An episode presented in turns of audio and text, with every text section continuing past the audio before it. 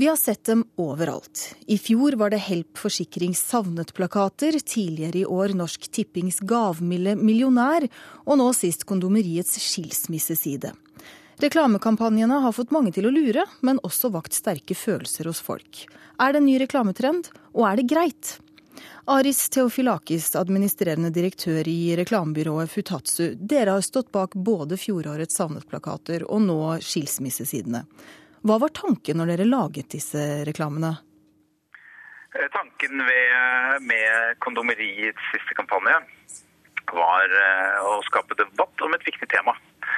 Eh, vi ønsket å gi folk en påminnelse om å gi hverandre oppmerksomhet og investere i et parforhold. Og så hadde vi lyst til å gjøre det litt, litt morsomt og ironisk. Vi, vi hadde ikke noen intensjon om å lure noen til å kjøpe noe, melde seg på noe, gi bort noe eller oppgi noen personlige opplysninger eller lokket med premie eller noe slikt. Vi, eh, vi ville at folk skulle eh, egentlig bare diskutere og måtte enten stusse eller, eller, avskrive dette her med å bruke mer tid på hverandre. Men det har jo kommet mange reaksjoner på dette. altså Har dere oppnådd det dere ønska? Ja, sånn Reaksjonsmessig så er vi fornøyd med, med engasjementet. At folk på en måte bruker tid på å diskutere Eh, om det er for lett å skille seg og det å bruke tid i parforholdet, de tingene som vi eh, ironiserer litt over på disse sidene her. Da. Sånn sett så, sånn sett så er det bra. Men i Forbrukerombudet så er det en eh, annen reaksjon som har kommet. Bente Øverli, nestleder i Forbrukerombudet. Hva er det med reklamene her dere reagerer på?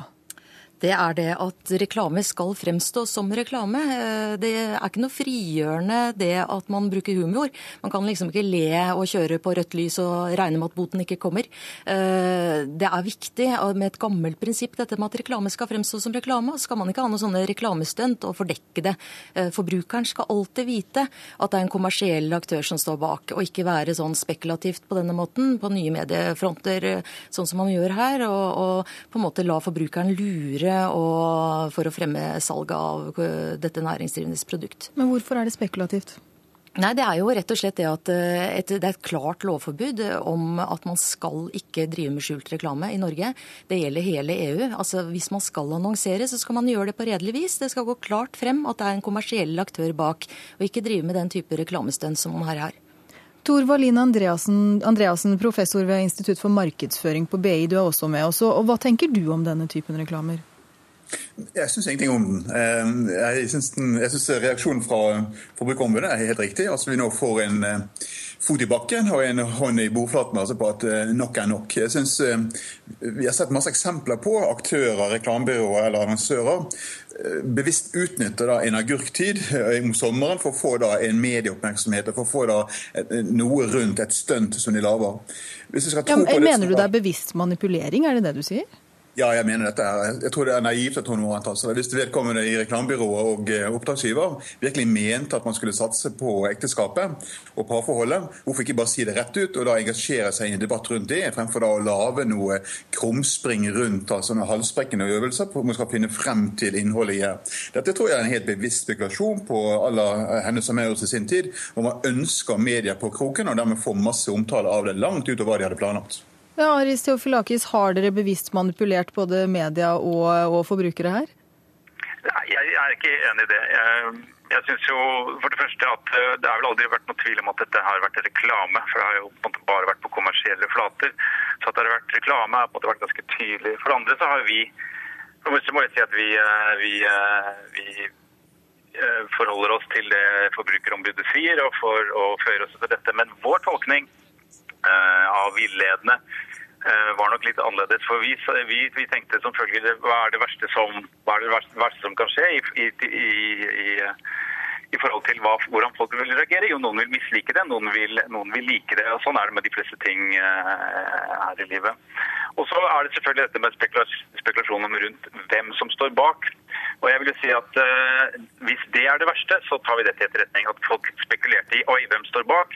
Så, så, så, så, tar vi dette til etterretning. Vi har ikke, som sagt, ikke prøvd å lure noen til å kjøpe noe, melde seg på noe, gi bort noe eller oppgi opplysninger eller lokke med premier eller noe slikt i den retning. Eh, så, vår tolkning av, av villedende var nok litt annerledes. Det er ikke snakk om at det er noe villedning her. Det er ikke det det er snakk om i det hele tatt. Og vi går ikke inn i kampanjen med det grunnlaget. Det er det at skjult reklame er forbudt i Norge. Det er et utgangspunkt. Og det å være kreativ som PR-byråer er, det er helt legitimt, det. Men man må tenke begrensninger og ikke bare muligheter innenfor eh, de produktene man setter i gang med og de kampanjene man, man setter i gang med. Det er ikke noe tvil om her at dette er reklame. Eh, hvis dere mente at det var reklame, så skal det merkes. Det er det som er vårt poeng. Ikke selve kampanjen og hva den inneholder, det, det bryr ikke vi oss noe om. Men vi er opptatt av at det skal gå frem hvem som står bak dette, og det skal ikke være slik at folk sitter og spekulerer i hva det er. Dette er klart lovforbud og helt eh, noe som alle som jobber innenfor reklame burde kjenne til. Ja, Teofilakis, Dere fikk jo et overtredelsesgebyr fra Forbrukerombudet på, på 300 000 kroner. Hadde dere regna med å, å, å få straff for dette her? Vi hadde ikke forutsett denne reaksjonen fra Forbrukerombudet, men vi tar reaksjonen til etterretning og kommer til å føye oss etter denne. Så, så verre enn det er det ikke. Men Valina Valin Andreassen, det å få uh, et overtredelsesgebyr på denne måten, altså, det, det, er kanskje noe man, uh, noen eventuelt forventer at skal skje og tar med i beregningen. Nå sier jo Theofilakis her at de ikke har gjort det. Men, men, hvordan er det disse reklamekampanjene da forholder seg til, til trender da, innenfor moderne markedsføring? Det er et annet poeng her. Altså. at eh, Konoberiet her, altså, som oppdragsgiver har egentlig fått et dårlig råd av uh, reklamebyrået her. altså rett og slett et dårlig råd. Og jeg mener da, Hvis ikke det er for å skape en jippo, hvis ikke det er det er målet, man kan tørre å innrømme det, så er det også da et bevis på at man ikke er i tråd med moderne markedsføring, som går på at konsumentene i dag er veldig opplyste. og Vi ser det i søkeatferden på internett, hvordan de søker informasjon og hvilke mengder informasjon de, kjøper, de søker, før de kontakter en aktør eller før de kjøper noe i det hele tatt. Og jeg synes liksom da at en, Når man da ikke kan være direkte i sin kommunikasjon for at vi ønsker å stimulere en debatt for å styrke ekteskapet, og så kan man også heller da gå ut med en masse informasjon som kan hjelpe konsumentene til å gjøre riktige valg. altså da Enten med å kjøpe produkter, anvende produkter, eller da liksom være med i en debatt omkring da verdier i et samfunn. Så jeg synes her at, at uh, Reklamebyrået har vært dårlig i sin rådgivning overfor uh, selskapet, som de nå én setter igjen med en bot, to en ripe lakken i, i merkenavnet. Ja, jeg vil også skyte inn en ting der, for Vi ser jo det at nå er det vanskeligere og vanskeligere for reklamebyråene å, å, nå frem til forbrukeren. Forbrukeren tar jo setter oblat på postkassa, vi ikke har reklame. Du, vi har angrepet nå Facebook og sier det at de kan ikke fordekke ting som sånne sider du kanskje liker hvis det er reklame på Facebook f.eks. Du kan si nei til e-postreklame. Du kan reservere deg mot telefonsalg. Altså Her er det mange begrensninger som lovgiver har bestemt at dette her skal forbrukeren vernes mot. Og så er det slik at det da en del reklamebyrå tenker at la oss være kreative, gå utenfor boksen, og her har de gått altfor langt. Takk skal eh, dere ha, Aris Theofilakis, administrerende direktør i reklamebyrået Futatsu, Bente Øvli, nestleder i Forbrukerombudet, og Tor Wallin Andreassen, professor ved Institutt for markedsføring på BI.